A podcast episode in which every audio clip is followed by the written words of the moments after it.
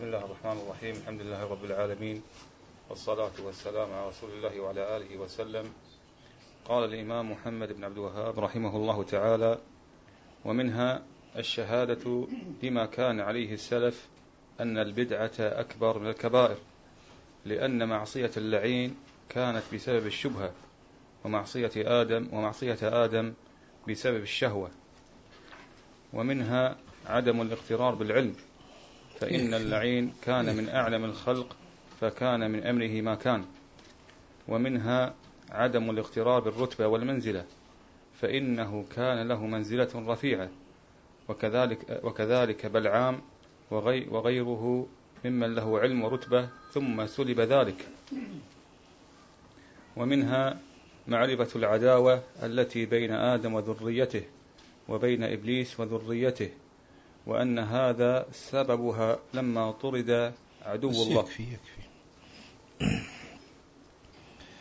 الحمد لله رب العالمين الصلاة والسلام على المبعوث رحمة للعالمين وعلى آله وسلم.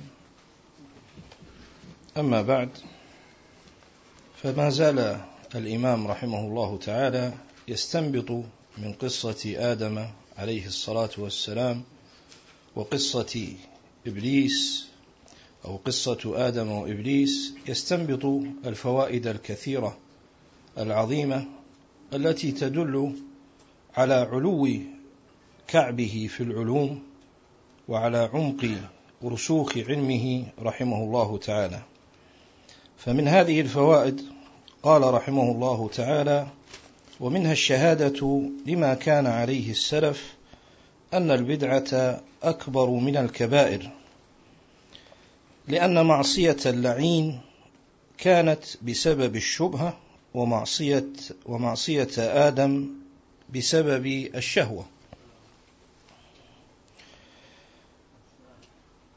قبل أن نشرح لفظ الإمام رحمه الله تعالى نحب أن نتكلم شيئا يسيرا على البدعة.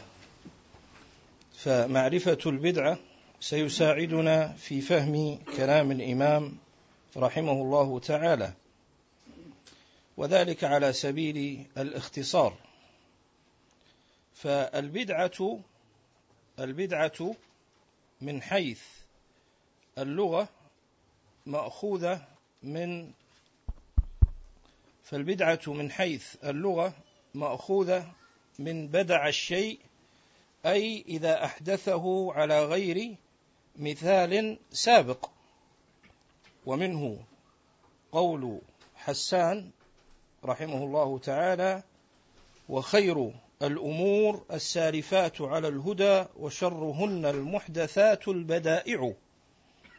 ومنه قول ربنا جل وعلا بديع السماوات والأرض أي محدثهما خالقهما على غير مثال سابق ومنه قول الله تعالى قل ما كنت بدعا من الرسل أي لست طارئا أو حدثا أن في الرسل وإنما قد سبقني رسل كثيرون فهذا معناها من جهة اللغة.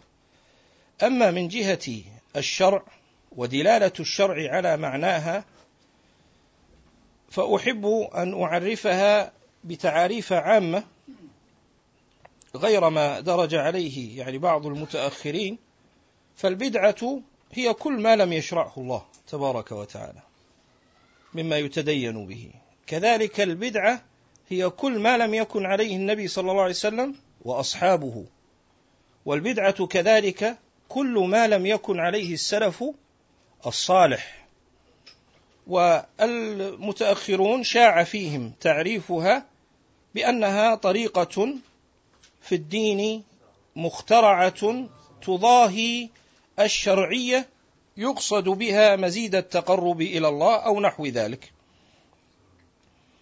فهذه هي البدعة. طبعا البدعة وما أدراك ما البدعة يعني البدعة حقيقة حسبك أنها هي صنيعة ووسيلة الشيطان لتحريف الأديان. كل الأديان الذين بعث يعني التي بعث بها أنبياء الله جل وعلا مما نؤمن به كالإنجيل والتوراة وغير ذلك هذه كتب وأنبياء ورسل جاءوا إلى الأرض. فأين أديانهم؟ أين ذهبت هذه الأديان؟ وقد كانت لها كتب وفيها أنبياء. فهل ما بقي من هذه الأديان يمثل حقيقة الأديان التي بعث بها هؤلاء الأنبياء عليهم الصلاة والسلام؟ لم يبق من أديانهم من أديانهم إلا رسومها ولم يبق من أديانهم إلا الشيء والنزر اليسير وعامة وكثير مما يتدينون به في أصول إيمانهم كله أمر محرف وكله أمر قد أحدثوه. إذا فالبدعة هي صنيعة الشيطان لتحريف الأديان. وحسبك بهذا دلالة على قبحها وشؤمها عياذا بالله من مضلات الأهواء والفتن. ولذلك قال السلف الصالح رحمهم الله تعالى البدعة أحب إلى الشيطان من المعصية. فإن البدعة لا يتاب منها والمعصية يتاب منها. وقد روي أن الشيطان قال أهلكتهم بالذنوب فأهلكوني بالإستغفار ولا إله إلا الله. فأحدثت فبثثت فيهم هذه الأهواء. فهم يذنبون ويذنبون ويذنبون ثم لا يستغفرون. فالبدعة إذا كان ربنا جل وعلا يقول وقوله الحق قل إنما حرم ربي الفواحش ما ظهر منها وما بطن. والإثم والبغي بغير الحق وأن تشركوا بالله ما لم ينزل به سلطانا وأن تقولوا على الله ما لا تعلمون. فكلنا قد درسنا وعلمنا أن ترتيب الذنوب في هذه الآية يبتدأ بالأقل إلى ما هو أغلظ وجعل الله تبارك وتعالى القول عليه بغير علم هو سقف الذنوب ورأسها بل كل ذنب فإنه متضمن للقول على الله بغير علم. فإذا كان القائل الذي يقول على الله من غير علم يكون متعرض لوعيد هذه الآية. فما بالك بمن ليس يقول بغير علم لكنه يقول بشيء يحدثه وينسبه إلى الدين؟ فهذا أغلظ وأغلظ وأغلظ. فالقول على الله بغير علم بسبب الجهل أهون من القول على الله بغير علم بسبب البدع. وبيان ذلك أننا جميعا نعلم كما هو مستقر في الفطر وفي العقول وموضع اتفاق اتفاق بين الأمم أن الكذب أن الكذب ذنب قبيح. أن الكذب ذنب قبيح. حسبك في بيان قبحه في هذا السياق أن السلف الصالح رحمهم الله تعالى ما كانوا يضربون أبناءهم على شيء إلا على الكذب كما روي عن إبراهيم النخعي رحمه الله تعالى. فالكذب قد تحتمل أنت من الرجل كل خلق. لكنك إن عثرت عليه يكذب لا تمنع نفسك من أن يسقط من عينك وأن يسقط من حسبانك وأن يكون في موضع الإزدراء والرفض والكراهية. وذلك لأن الكذب هو ذنب قبيح قد استقر في الفطر قبحه ولذلك كان من كبائر الذنوب. فما بالك أن يكون هذا الكذب هو كذب على الله عز وجل وليس على البشر. فكيف يكون قبحه؟ كيف يكون قبحه؟ لا شك أن قبحه يكون أعظم وأعظم وأعظم. اذا فالبدع ولذلك الله جل وعلا في مواضع من القرآن يهدد ويتوعد ويلعن من يكذب عليه. إن الذين يفترون على الله الكذب لا يفلحون. والكذب والبدعة لا بد لنا من أن نعتبرها بالمعصية حتى نحسن فهم قبحها وشناعتها وأنها ولماذا اشتد السلف الصالح رحمهم الله تعالى في شأنها كل هذه الشدة؟ ولماذا كانت البدعة حتى يقول الشافعي رحمه الله تعالى لئن يبتلى العبد بكل ذنب. خلا الشرك خير له من أن يبتلى بهذه الأهواء. لماذا؟ هل الشافعي غالي؟ هل الشافعي متشدد؟ كل السلف الصالح رحمه الله كانوا يقولون هذه الكلمة. وهذا موضع إجماع كما استنبط الإمام وكما سيأتي. اذا لماذا اشتد السلف في شأن البدعة؟ كل هذه الشدة. سنفهم هذه المسألة فهما جيدا إن شاء الله تعالى. إذا آه، سنفهم هذه المسألة إن شاء الله تعالى فهما جيدا إذا تدبرنا بعض الفروق بين البدعة والمعصية. فالفرق الأول بين البدعة والمعصية أن المبتدع أن أن المذنب ضرره على نفسه والمبتدع ضرره على النوع. ما معنى هذا الكلام؟ أن المذنب حين يعصي الله جل وعلا يضر من؟ يضر نفسه نفسه فهو تحت ستر الله. إلا أن يضيف إلى ستر الله جل وعلا شيئا يغلظ من ذنبه كأن يهتك ستر الله يكون قد عصى الله في السر فيجعل معصيته علانية فيزداد إثمه أو أن تكون معصيته مقترنة بأمر يزيد من شناعتها كأن يزاني بحليلة جاره فهنا أمور قد تتغلظ المعصية لكن في النهاية ضررها على من؟ على فاعلها والمتلبس بها لكن البدعة ضررها على الناس كلهم حين يرون يرى الناس إنسانا أو مسلما يصلي. وكلما صلى وسلم الإمام رفع يديه يدعو. ما الذي سيحصل؟ سيظن الناس أن فعله هذا مشروع مطلقا وأن هذا أمر مستحب. والناس تحب الخير ومما تحبه الناس من الخير دعاء الله لما فيه من سؤال حاجاتهم. فسيقتدي به الناس فيكون ضرره على إيش؟ على اعتقاد الناس حيث اعتقدوا أن هذا الأمر مشروع وهو غير مشروع فضرهم في ماذا؟ في اعتقادهم ثم ضرهم مرة أخرى بأن ائتسوا به في هذا الفعل الغير مشروع. إذا فضرر المبتدع على نوع الإنسان وضرر صاحب الذنب على نفسه. وجه آخر أن فتنة المبتدع في أصل الدين. فتنة المبتدع في أصل الدين وفتنة المذنب في الشهوة. كيف ذلك؟ يعني فتنة المبتدع في أصل الدين. يعني أن بدعته تتعلق بالدين نفسه فهذا فيه نوع من التحريف لدين الله جل وعلا. فهو ضرر في الدين نفسه. أما المذنب فيعني فتنته في هذه الشهوة التي يتبعها. كذلك فالمبتدع قد قعد للناس على صراط الله المستقيم. قعد بين الناس وبين صراط الله جل وعلا. قطع طريق الله جل وعلا عن الناس.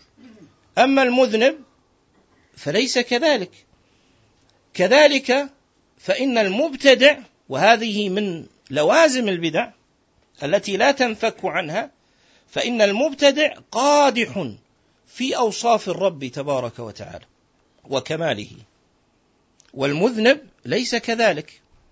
كيف أن المبتدع قادح في أوصاف الرب تبارك وتعالى وكماله؟ فهذا من جهتين. الجهة الأولى لأنه إما أن يكون بدعه في أصلها أو تسوقه إلى شيء من تحريف صفات الله أو تأويلها أو تفويضها فهذا واضح أن فيه القدح في صفات الرب جل وعلا وكماله وإما أن تسري فيه بدعة الجماعات مثلا فلا يفارق هذا الذي حرف صفات الله أو تأولها ويعتبره أخا له فماذا يحصل؟ هنا سيقر هذا القدح في صفات الرب جل وعلا. وإما أنه مع الوقت ستقوده بدعته إلى القدح في الرب تبارك وتعالى. هذا من جهة صفات الله عز وجل. ولذلك فكل صاحب بدعة لا بد وأن يشمله قولان لله جل وعلا. قول الله عز وجل وذلكم ظنكم الذي ظننتم بربكم أرداكم فأصبحتم من الخاسرين؟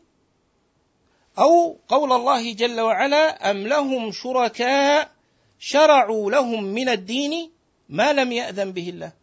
لأنه لابد وأن يتضمن في قلبه شيء من الظن السيء إما بالرب وإما بشريعته.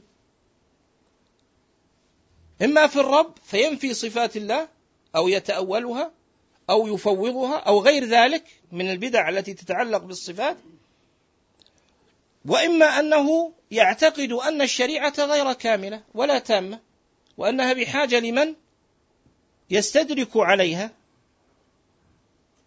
فهنا إذن سيكون يعني في اعتقاده نوع من القدح في أوصاف الرب جل وعلا لأن الذي يقدح في الشريعة وكمالها هو قادح بمن أنزل هذه الشريعة. فإذا الله تبارك وتعالى قال إن المصلحة هي في طاعة ولاة الجور والظلم وتحريم الخروج عليهم وأنه يجب مناصحتهم سرا إلى غير ذلك مما جرى به عقد السنة وأصولها واتفق عليه أهل العلم. فيأتي هذا فيقول لا. هو يقول لا لمن؟ لأهل السنة؟ هو يقول لا لمن يسمى بالسلفيين؟ هو يقول لا لله. مشكلة أهل البدع مع ربهم. وما أهل السنة إلا قائمين بعبودية الله تبارك وتعالى في بيان هؤلاء حال هؤلاء القوم لأن الله أمرهم بذلك. قربة إلى الله جل وعلا إذا فالمبتدع قادح في أوصاف الرب جل وعلا وكماله والمذنب ليس كذلك كذلك المبتدع مناقض لما جاء به الرسول صلى الله عليه وآله وسلم. أما المذنب فليس كذلك. المبتدع مناقض، كيف مناقض؟ لأنه معارض، وهذا يفسره لك أكثر اختصارا يعني قول بعض أهل العلم ما أحيت بدعة إلا أميتت سنة. لأن هذه تأخذ مكان هذه هذا هذه الظلمة تمحو هذا النور فكما أن الحسنات يذهبن السيئات فالبدع تمحو السنن إذا فالبدع من شؤمها أنها معارضة ومناقضة لما جاء به النبي صلى الله عليه وسلم كذلك فالمبتدع يقطع على الناس طريق الآخرة. يعني بمعنى أنه يحول بينهم وبين الله جل وعلا وطريقه. ويوجههم وجهة يجتهدون فيها ولا يكون فيها الخير لهم. بينما المذنب والذنوب تجعل العبد ماذا؟ تجعله بطيء السير إلى الله تبارك وتعالى. فالبدعة والمبتدع يقطع على الناس طريق النبي صلى الله عليه وسلم. وأما المعصية فتضعف سير العبد. أما البدعة تجعله يعمل ويجتهد وقد يقتل نفسه. إذا كان في جهاد مبتدع أو قد يشرك بالله إذا كانت عبادته يعني على على الشرك أو غير ذلك من أنواع البدع فما الذي سيؤول أمره إلى أنه يقطع على الناس طريق الله جل وعلا لأن طريق الله ليس لله طريق إلا طريق النبي محمد بن عبد الله صلى الله عليه وسلم. لا يفتح لأحد إلا من طريق النبي صلى الله عليه وسلم. ليس الأمر كما تقوله أهل البدع والصوفية أن الطرق إلى الله تبارك وتعالى بعدد أنفاس الخلائق. لا. طريق الله جل وعلا هذا الصراط المستقيم الواحد. فيأتي هذا المبتدع فيقف على هذا الخط الذي رسمه الرسول صلى الله عليه وسلم يمينا ويسارا عن هذا الخط المستقيم الذي خطه الرسول صلى الله عليه وآله وسلم وقال وأن هذا صراطي مستقيما فاتبعوه ولا تتبعوا السبل فتفرق بكم عن سبيله ذلكم وصاكم به لعلكم تتقون هذا هذا يقول شيخ الإسلام ابن تيمية رحمه الله فيما معناه كل من تأمل في هذا الحديث وتأمل فيما وقع في أمة النبي صلى الله عليه وسلم من التفرق والأهواء علم مراد النبي صلى الله عليه وسلم يقينا وأن المقصود بهؤلاء الخطوط الفرق التي نبغت في هذه الأمة. فهذا طريق النبي صلى الله عليه وسلم. فأين يقف المبتدع من هذا الطريق؟ هو لا يقف على على هذا الطريق يقف على طرق أخرى. هذا ما خطه الرسول صلى الله عليه وسلم بيمينه. خط النبي صلى الله عليه وسلم خطوط عن يمين هذا الخط وعن شماله. فكيف يأتي أناس يزعمون أن الخط واحد وأن ولكن يتفاوت الناس في السير على هذا الخط؟ هذا خلاف ما خطه الرسول صلى الله عليه وسلم. أمر بينه النبي صلى الله عليه وسلم قولا وبينه صلى الله عليه وسلم فعلا وكذلك السلف الصالح. إذا فالمبتدع يقطع على الناس طريق الله. الذنوب تضعف السير إلى الله وتجعل العبد كما تقدم في ما سبق في صدر هذا الكتاب شيء من آثار الذنوب والمعاصي. والشيء بالشيء يذكر. إذا كانت آثار الذنوب والمعاصي ما سبق ذكره وهي عند السلف الصالح أخف وأهون من البدع فما بالك بأثر بأثر البدع على القلوب وعلى الدين؟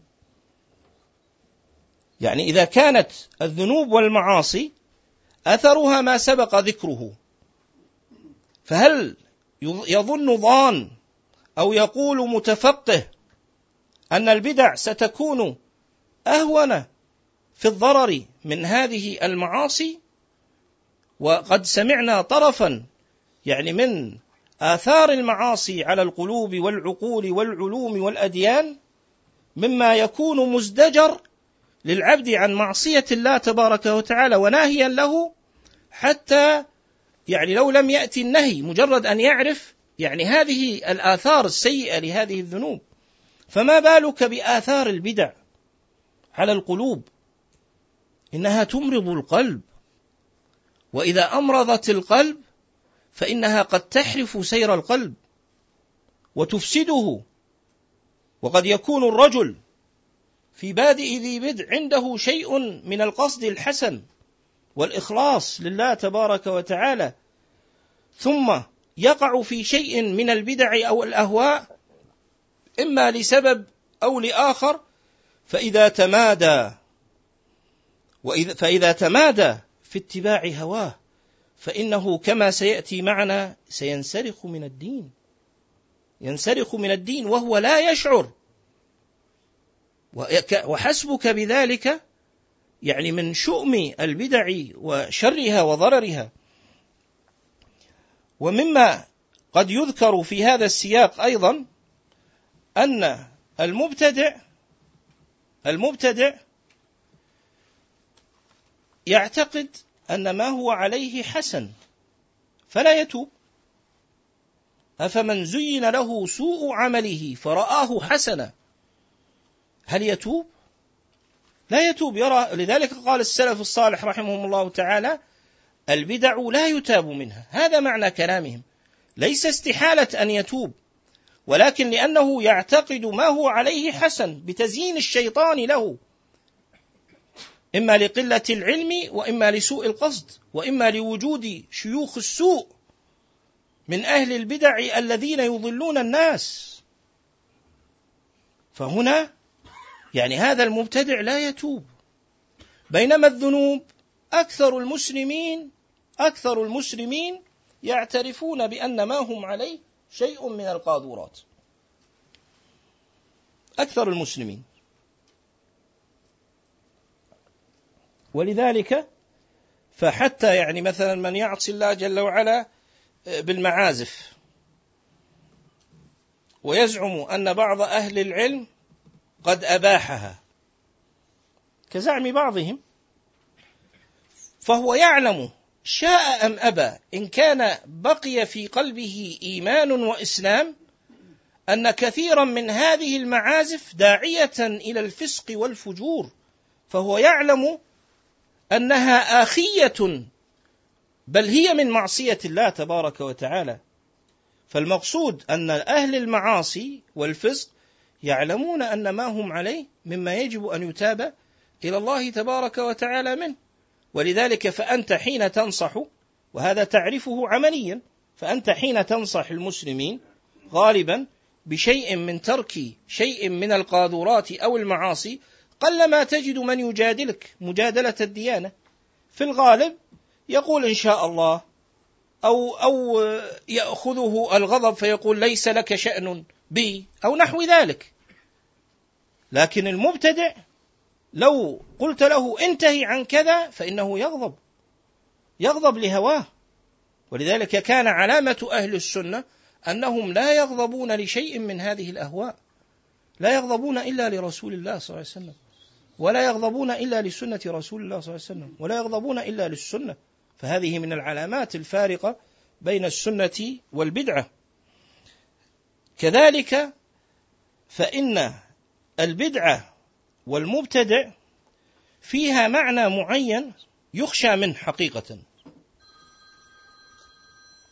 وليس هذا المعنى موجودا في الذنوب والمعاصي. وذلك أن صاحب البدعة يخشى أن أعماله الصالحة الأخرى غير بدعته ترد عليه ولا تقبل منه. وقد جاء في ذلك أحاديث وآثار أقربها إلي الآن حديث أنس إن الله احتجز التوبة على كل صاحب بدعة.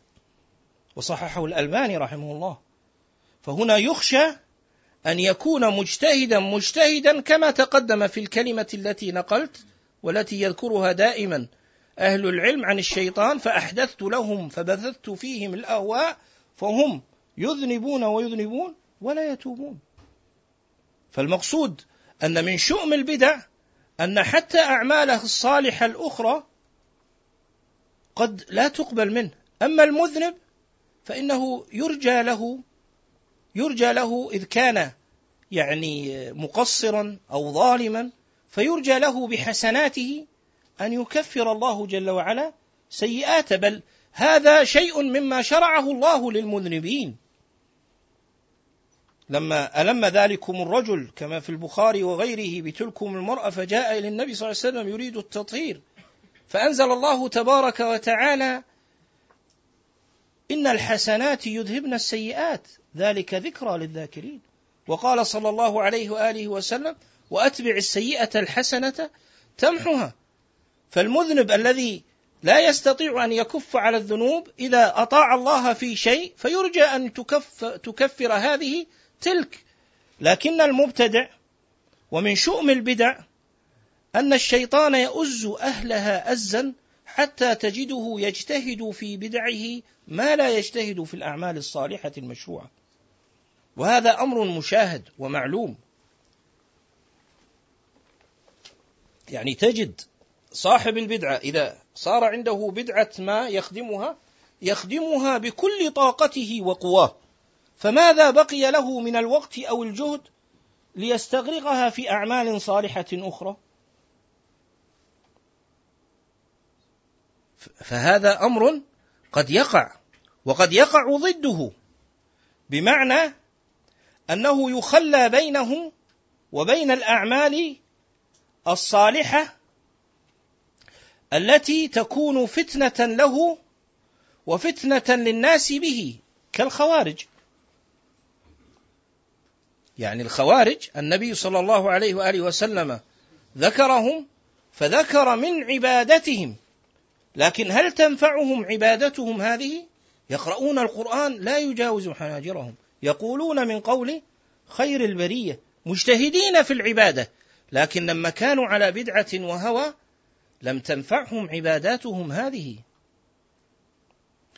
إذا فهذا هو بعض شأن يعني البدع وقبحها يكون يعني أردت أن يعني أذكره بين يدي يعني شرح كلام الإمام رحمه الله تعالى حتى يعلم أن في البدع من المعاني القبيحة وفيها من المحادة لله ورسوله صلى الله عليه وسلم وفيها من المضاهات للكتاب والسنة فضلا عن الوصف الذي ينتهي إليه حال المبتدع كما تقدم قبل أيام في تلكم ذلكم الدرس تتجارى بهم الأهواء فكلكم سمعتم ذلكم الحديث عن النبي صلى الله عليه وسلم في وصف أهل البدع.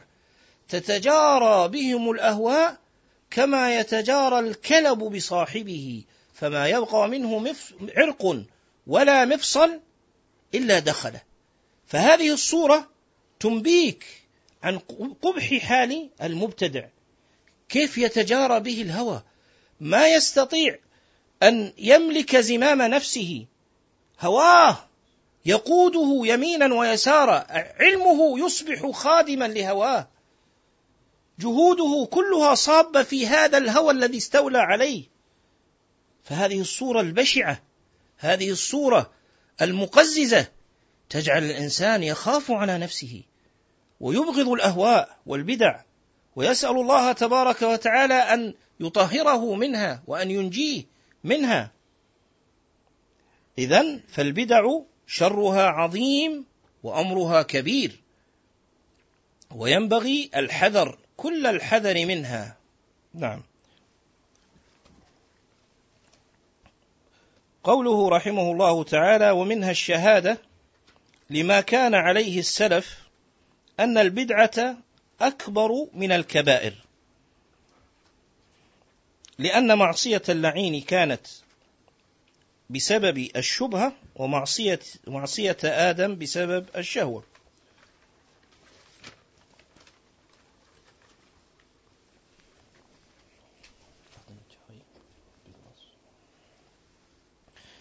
قوله رحمه الله تعالى ومنها الشهادة الشهادة يعني أن, أن هذه الفائدة المستنبطة تشهد لصحة ما عليه السلف. يعني هي ليست فقط أنها تدل على صحة ما عليه السلف بل تشهد له. فلفظ الشهادة أبلغ في الدلالة على حصول العلم وبيانه والإخبار به من لفظ إيش؟ الدلالة. فقال ومنها الشهادة لما كان عليه السلف. هذا الإطلاق يدل على أنه أمر اتفاقي واضح عن السلف الصالح رحمهم الله تعالى. لا نزاع فيه. أن البدعة أكبر من الكبائر. يعني أن البدعة في مرتبة الذنوب والمعاصي وذلك باتفاق أهل العلم وإجماعهم. أن البدعة أكبر من الكبائر ودون الكفر بالله عز وجل والشرك به. وإن كان من البدع ما يرتقي ليكون شركا وليكون كفر لكن البدع هي بين الكبائر والكفر في مرتبة الذنوب والمعاصي. فالإمام يقول إن هذه القصة تشهد لصحة هذا المعنى عن السلف الصالح رحمهم الله تعالى. إذا فهذا ينبه طالب العلم هذا ينبه طالب العلم إلى ماذا؟ إلى فائدة مهمة هنا. وهو أن طالب العلم مقتد مؤتس متبع. كتاب الله، سنة الرسول صلى الله عليه وسلم، ما عليه السلف، ثم يأتي يخدم طالب العلم بل العالم خادم لكتاب الله وسنة النبي صلى الله عليه وسلم مذهب السلف الصالح. وتابع. وتابع. هذا معنى مهم يجب أن يتربى عليه طالب العلم ويجب أن يربي عليه نفسه. ولذلك كان السلف ينبهون إلى هذه المعاني كثيرا. كما قال قائلهم رحمهم الله تعالى لأن تكون تابعا في الخير خير من أن تكون رأسا في الفتنة. فهنا الإمام رحمه الله يقرر هذا اتفاق بين السلف الصالح. ورأى في هذا هذه القصة نوع من الدلالة الصحيحة الدالة على هذا الأمر المتفق عليه. فقرر هذا الأمر المتفق عليه ثم أخذ هذا المعنى المستنبط من القصة شاهدا ومؤكدا وعاضدا لهذا الحكم الصحيح.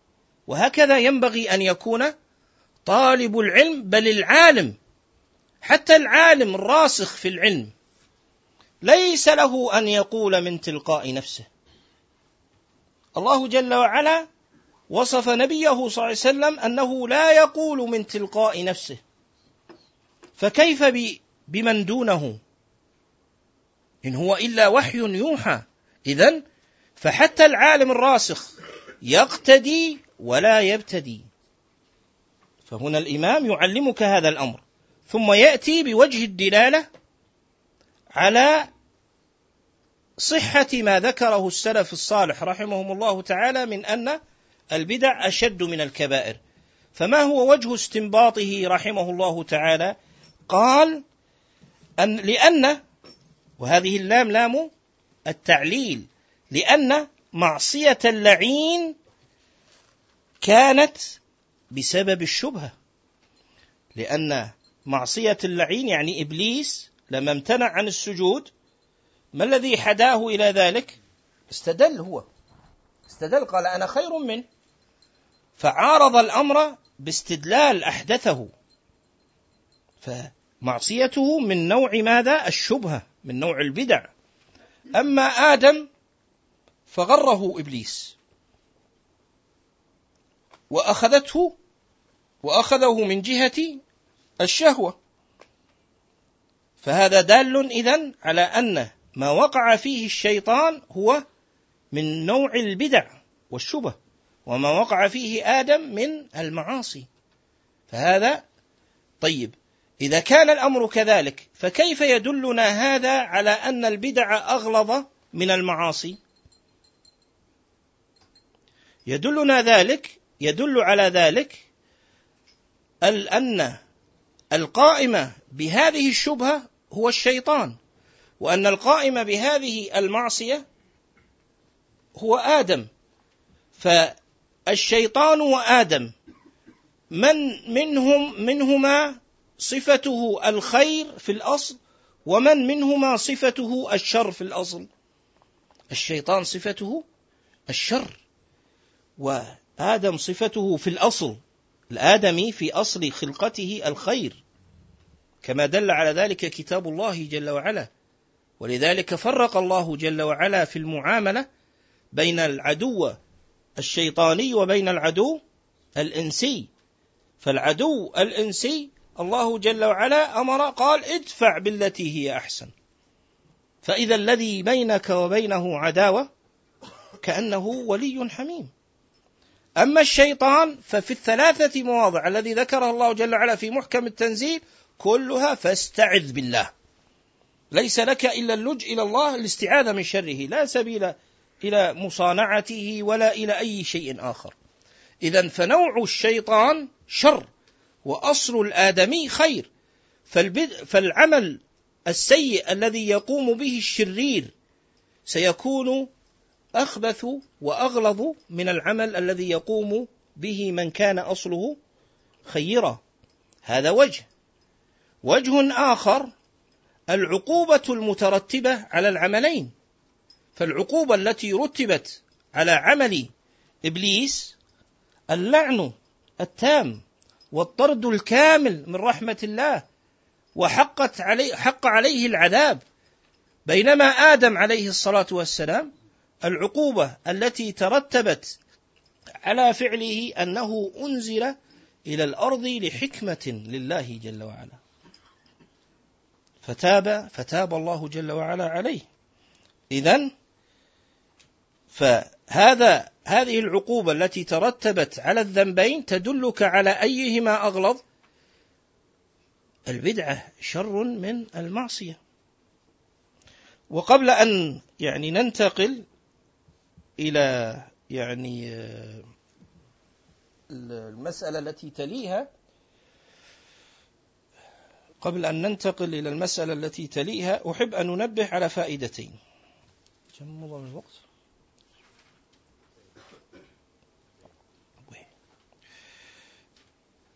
الفائدة الأولى ينبغي على المسلم والمسلمة عموما وعلى طالب العلم خصوصا إذا أراد أن يحدث الناس بشيء من العلم من كلام الله أو من كلام النبي صلى الله عليه وآله وسلم أن يحدث بذلك كما ورد وجاء على عمومه وإطلاقه واستغراقه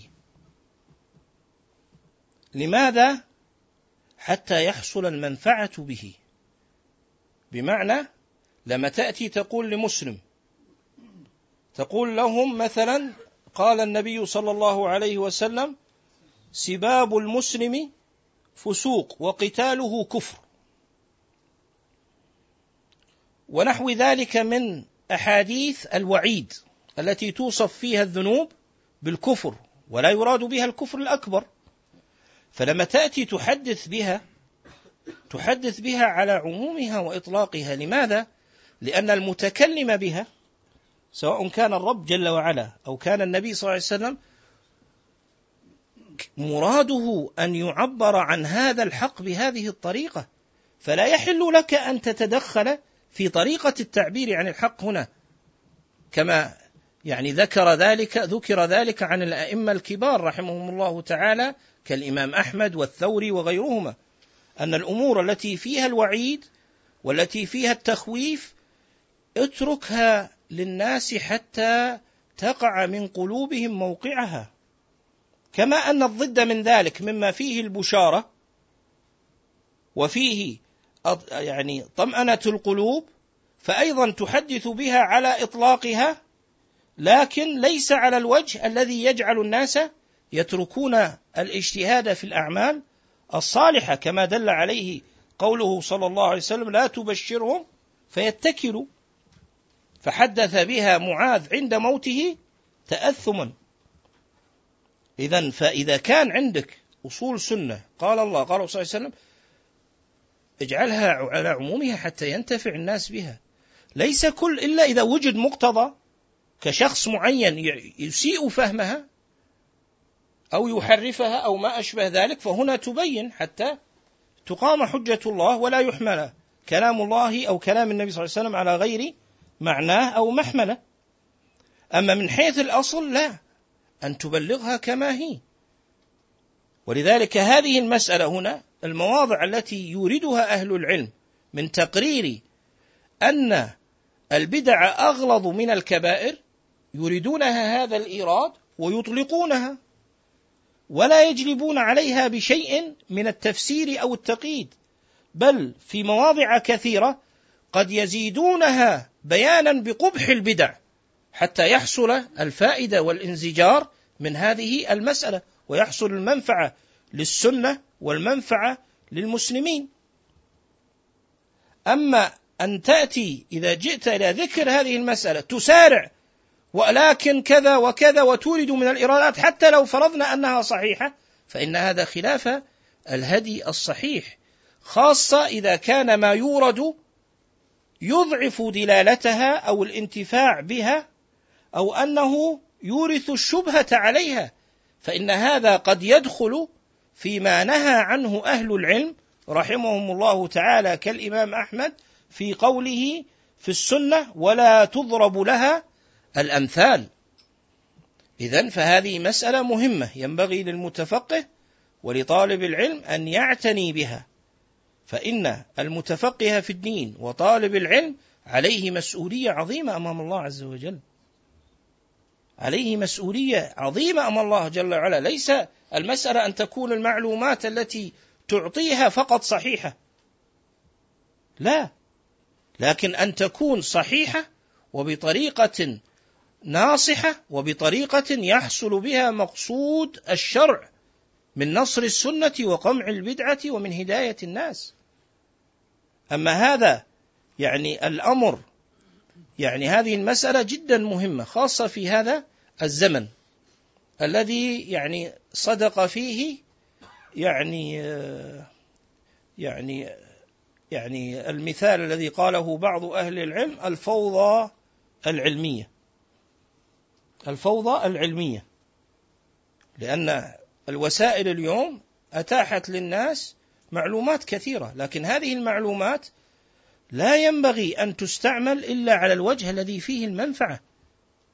وأما أن توهن السنة بأن يورد عليها الإيرادات فهذا ليس سبيل الناصحين. هذه مسألة. مسألة أخرى يعني أيضا مهمة جدا لأننا لما نذكر البدع حقيقة يعني لما نذكر البدع في هذا الزمان ثم يعني تنصرف أذهان جمهور الناس إلى البدع القديمة من التمشعر أو التصوف أو الاعتزال أو التجهم أو القدر أو الإرجاء أو غير ذلك. فهنا لا يحصل كمال الانتفاع بهذه البحوث وبهذه يعني بهذا العلم إلا إذا أنزل تنزيلا صحيحا ناصحا مطابقا للواقع الذي نعيشه اليوم. فاليوم لا نجد شيئا يقال له فرقة المعتزلة ولا نجد شيئا يعني فرقة اسمها المعتزلة يشار إليها. نعم يوجد طوائف عندهم اعتزال كالإباضية أو غيرهم أو الزيدية أو نوع أنواع من الزيدي. المقصود حتى يعني لا يتشتت فينا البحث مقصودي أنه لابد هنا لصاحب السنة بعد أن يدرس مثل هذا هذه المعاني وهذه الأحكام لابد أن يسأل نفسه سؤالا صادقا. الجماعات الإسلامية السياسية. هل خلافها مع أهل السنة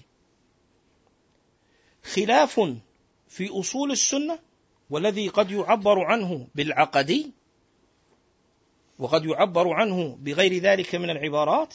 يعني هل الخلاف مع الجماعات الإسلامية السياسية خلاف في أصول السنة؟ سنة وبدعة؟ أو هو خلاف مثل الخلاف الذي يقع بين أهل العلم خلاف صواب وخطأ. يعني قول راجح وقول مرجوح.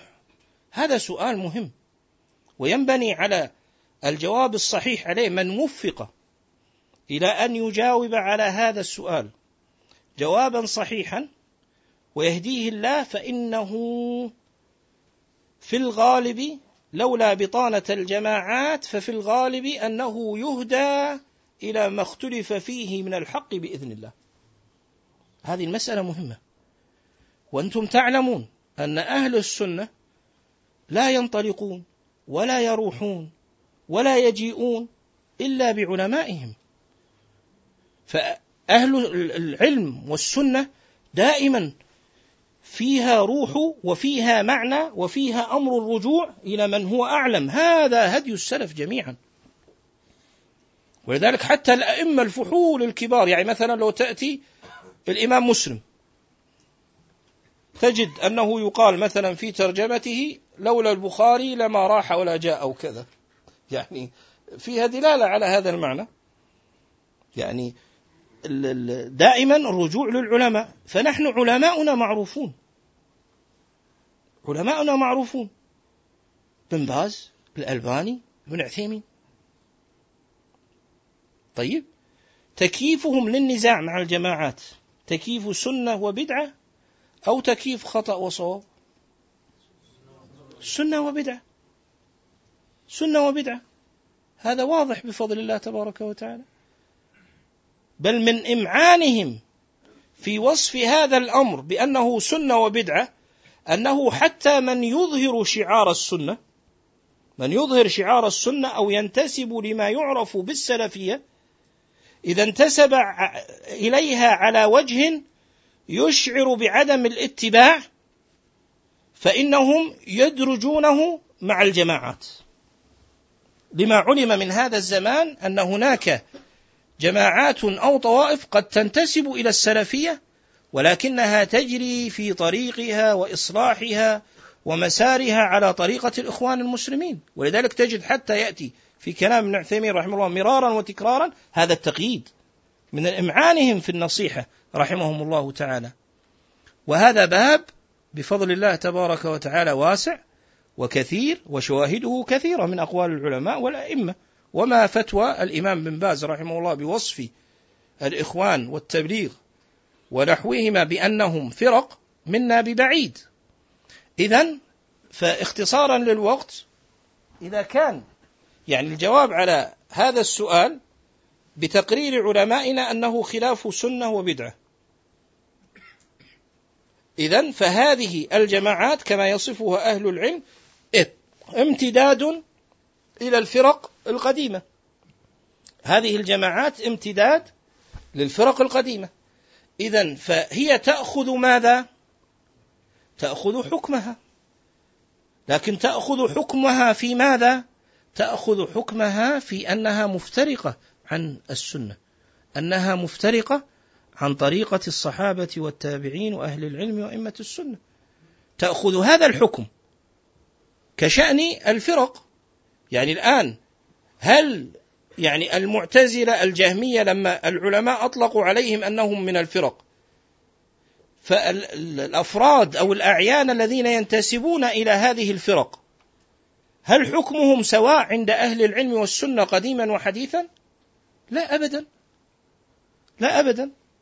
الإمام أحمد الجهمية الذين قال عن مقولتهم الكفر الأكبر توقف في تكفير بعض أعيانهم وتنزيل الحكم عليهم كبعض الخلفاء أليس كذلك؟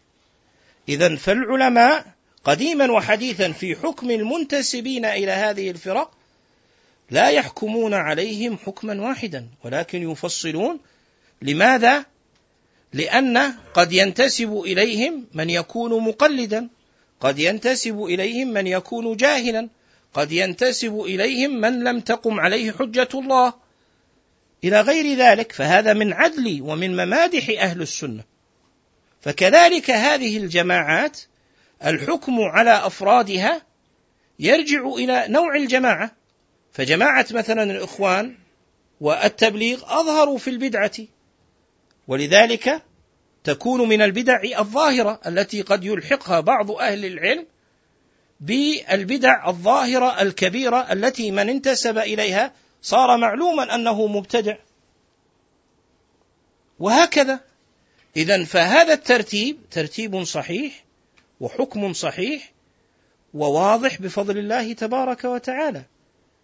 ولكن هل يلزم من قول أهل السنة هذا؟ هل يلزم من قولهم هذا أن من كان من الطوائف تنتسب إلى السنة بقدر وهي امتداد للفرق أو للإخوان أو غيرهم كالجماعة مثلا عبد الخالق التراث. فهل يلزم من ذلك كما تقدم بيانه أن كل من انتسب إلى هذه الجماعة مبتدع؟ لا طبعا. هذا لم يقله أحد حسب علمي ولا يعتقده أحد منا أو من إخواننا الذين نعرفهم. ومع هذا مع أننا لم نعتقد ذلك ولم نقله في يوم من الأيام ولا أعلم معتقدا له بهذا الإطلاق طالما قرأنا وقرأنا وقرأنا أن هؤلاء يقولون كل تراثي مبتدع.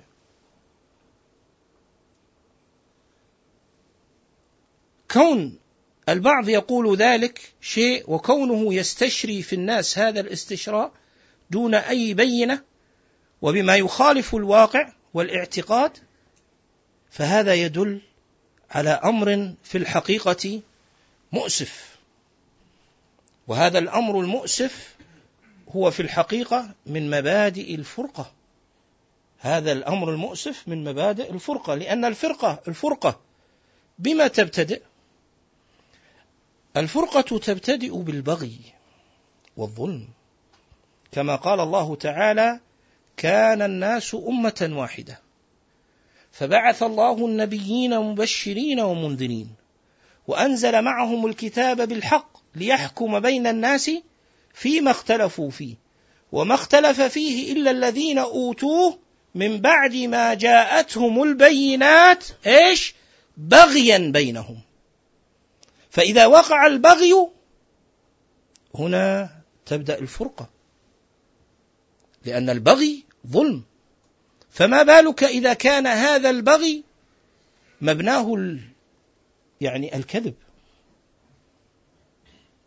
إذا فلا يلزم من قول أهل العلم والسنة في هذه الجماعات ما قالوا هذا اللازم الذي يلزمهم إياه يعني بعض يعني الناس هداهم الله تبارك وتعالى أبدا لكن هم يلزمهم أن يقولوا بأن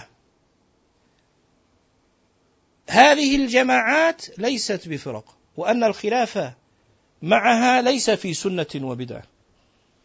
لماذا يلزمهم هذا؟ لأنهم يزعمون أن من أعيانها ورؤوسها من يكون خيرا من أهل السنة. وهل هذا يتحقق إذ لم تكن هذه الجماعة إذ لم تكن هذه الجماعة على أصول السنة فكيف يتحقق أن يكون منها وفيها قائم فيها من أعيانها أن يكون على السنة بل هو خير من بعض أهل السنة وأعلم فهنا يلزم من قولهم هذا على هؤلاء الأعيان أن يكون خلافهم مع هذه الجماعات ليس خلاف سنة وبدعة وإلا صاروا متناقضين. مزيد يعني من الشرح أو التوضيح.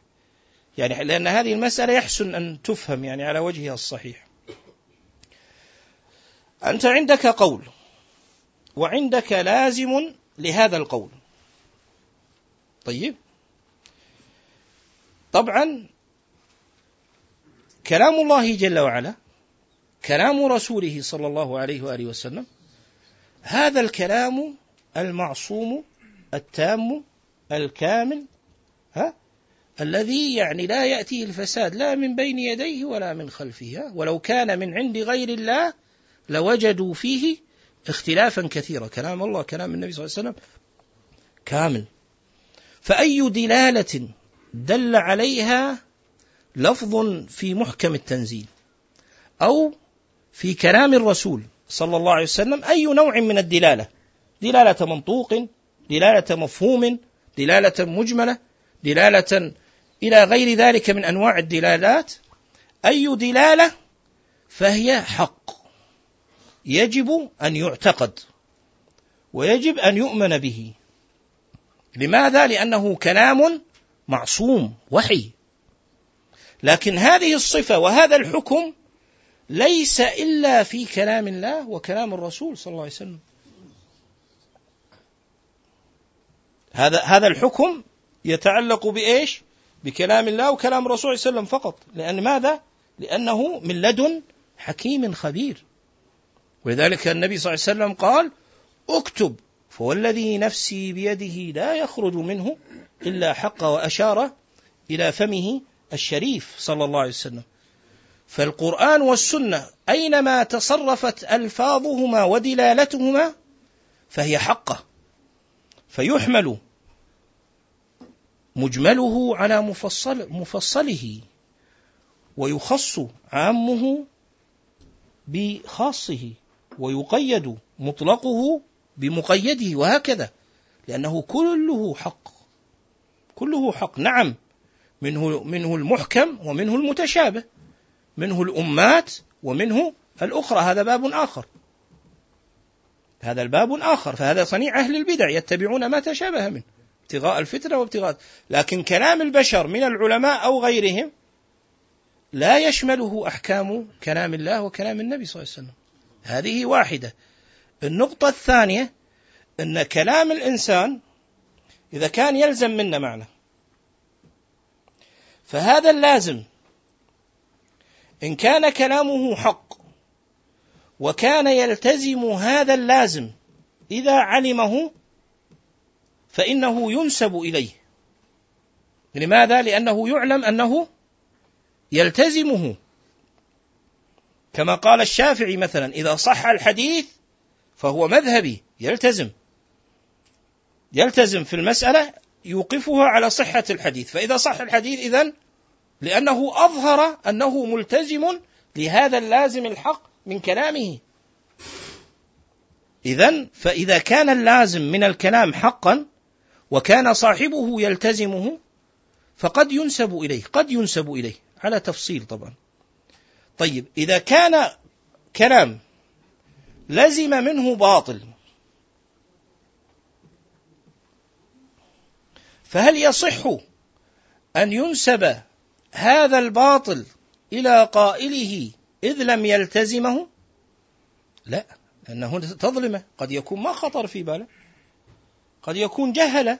لازم قولها البشر الإنسان ضعيف يعني من يعني أعجب صور هذا الضعف يعني اللي ضرب فيها المثل الإمام تيمية رحمه الله أنه قال أنه قرأ لبعض المصنفين فوجده يقرر في أول كتابه شيئا ثم يقرر في آخره ما يناقض به أوله. في كتاب واحد حق مصنف واحد. هذا البشر. إذا فإذا كان ثمة قول لزم منه باطل فهل تلزم القائل به؟ لا لا تلزمه إلا إذا علمت أنه يلتزمه. لكن نعم هل يكون ذلك دليل على تناقضه؟ نعم يكون دليل على تناقضه وعلى ضعف قوله لأن هذا القول اللي يقوله لزم منه باطل. فهذا الباطل ما يصير على طول تلزمه فيه لأنك تظلم بهذه الطريقة.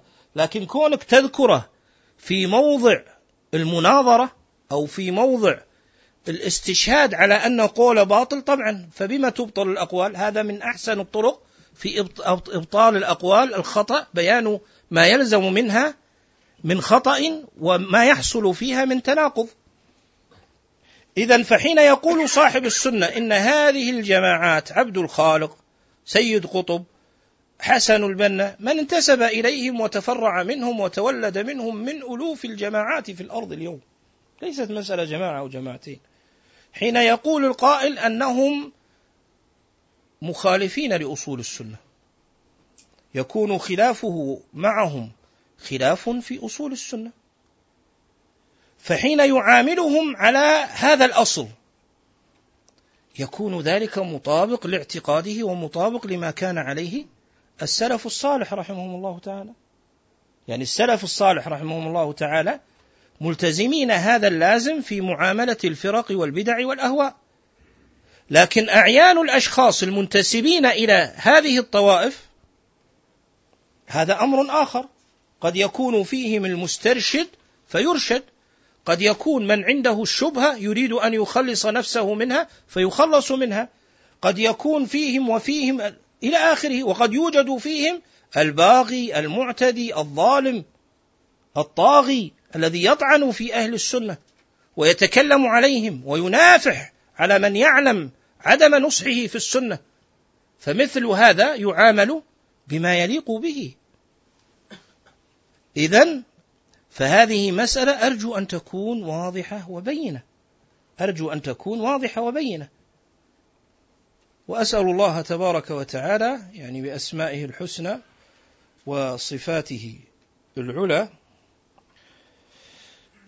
أن يجعلنا وإياكم والسامعين هداة مهتدين. وأسأله تبارك وتعالى أن يرينا الحق حقا ويرزقنا اتباعه وأن يرينا الباطل باطلا ويرزقنا اجتنابه. وأسأل الله تبارك وتعالى أن من بلي بشيء من اتباع الهوى أو من الظلم والبغي أن يتوب إلى الله. تبارك وتعالى. فليست المسألة هي ظلم أهل السنة إنما ظلمه لنفسه الذي يلزم منه أن يجازى عليه فلعله أن يصاب في قلبه فيزيغ الله قلبه عن السنة بعد إذ هداه إليها. وهذا أمر يعني يشق علينا أن نرى فئام من الناس وإخوان يشاركوننا في كثير من الأصول والمشايخ ثم يأبون إلا البغي علينا والظلم لنا بالكذب والافتراء ويتواطأ جموعهم على ذلك ولا يرعون ولا يراجعون فإنهم في الحقيقة لا يظلموننا فنحن لا يضرنا خلاف من يخالفنا ولا نزاع من ينازعنا. لماذا؟ لأننا ماضين في طريقنا بفضل الله تبارك وتعالى. صابرين محتسبين إن شاء الله. ونعلم أن ما نحن عليه هو اعتقاد أئمتنا وعلمائنا اليوم.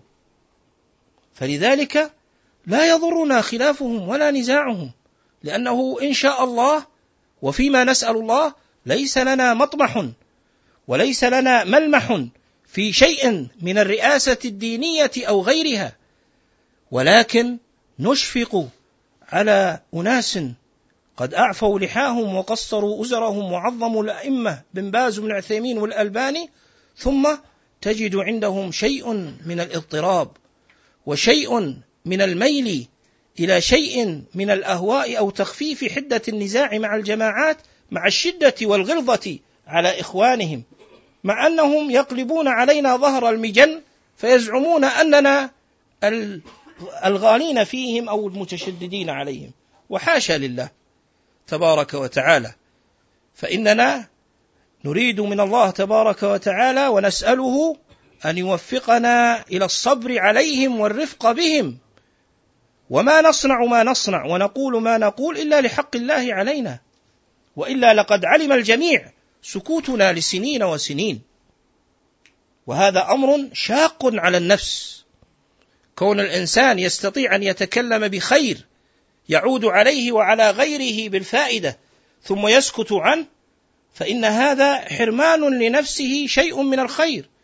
لكننا أعرضنا وصبرنا رجاء أن يثوبوا إلى رشدهم أو أن يرجعوا عن غيهم.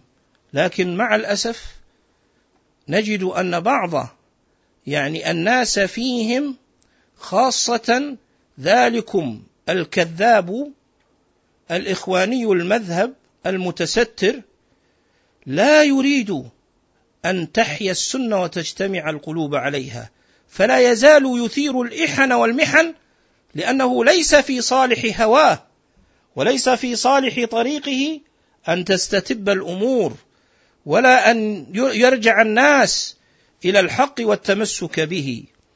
فهذا ولذلك نقل إليه أن هذا الرجل بالأمس وأقول بالأمس وليس الأمس القريب.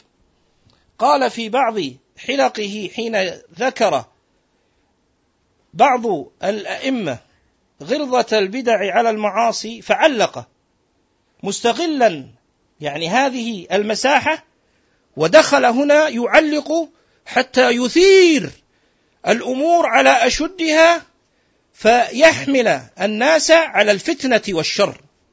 ونحن نقول لا لا لن نمكنك من أن تضل الناس بغير ما تقوم به الحجة.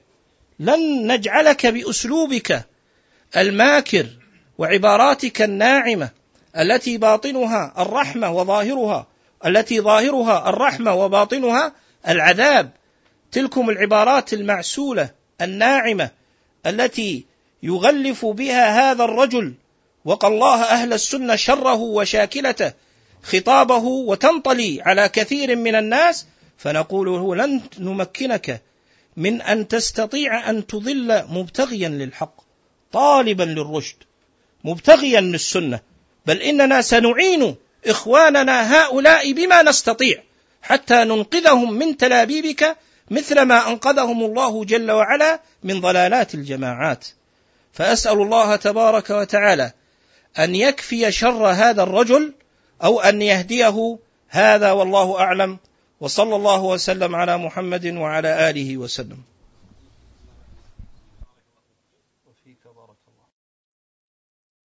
يقال أنه من لوازم الهجر والتحذير آه، سواء لجماعة أو فرقة أو شخص أن يوصف بالبدعة.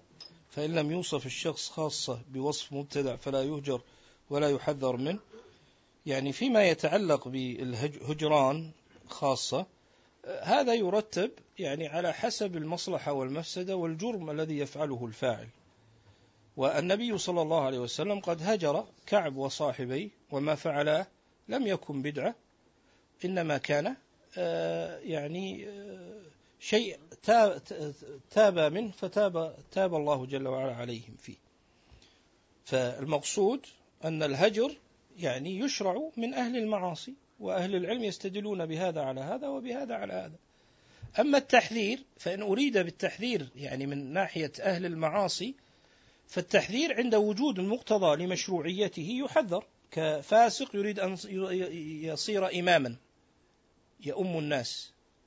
أو فاسق يريد أن ينكح من بيوتات المسلمين فهنا يحذر منه. فالمقصود أن الأمر منضبط بفضل الله عز وجل. فالشر يحذر منه ويحذر منه.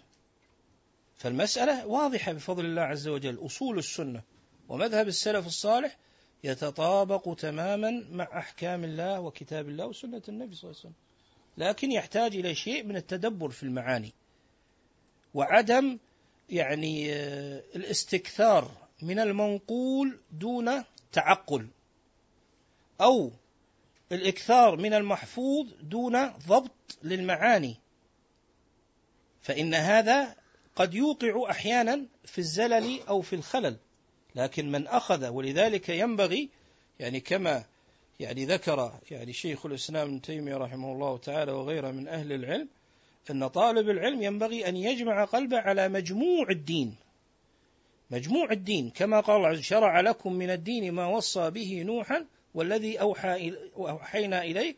فالمقصود أن أن هذه أمتكم أمة واحدة وأنا ربكم فاعبدون. فالإنسان يجمع قلب وهمة على جمع الكتاب والسنة. هذه الصفة الجمعية في قلب الطالب هذه الصفة الجمعية في قلب الطالب هي من أعظم المفاتيح للحق والخير والفقه. أما الاسترسال مع التفاريع حفظا وعناية دون هذه الصفة الجمعية قد توقع في شيء من النقص أو الخطأ وإن كان المحفوظ أو المنقول كثيرا. هذه ينبغي أن ينتبه لها الطلاب. ينبغي أن يكون الأمر على رشد في في طلب العلم وفي التفقه في الدين. نسأل الله تبارك وتعالى أن يتولانا وإياكم. وإخواننا جميعا.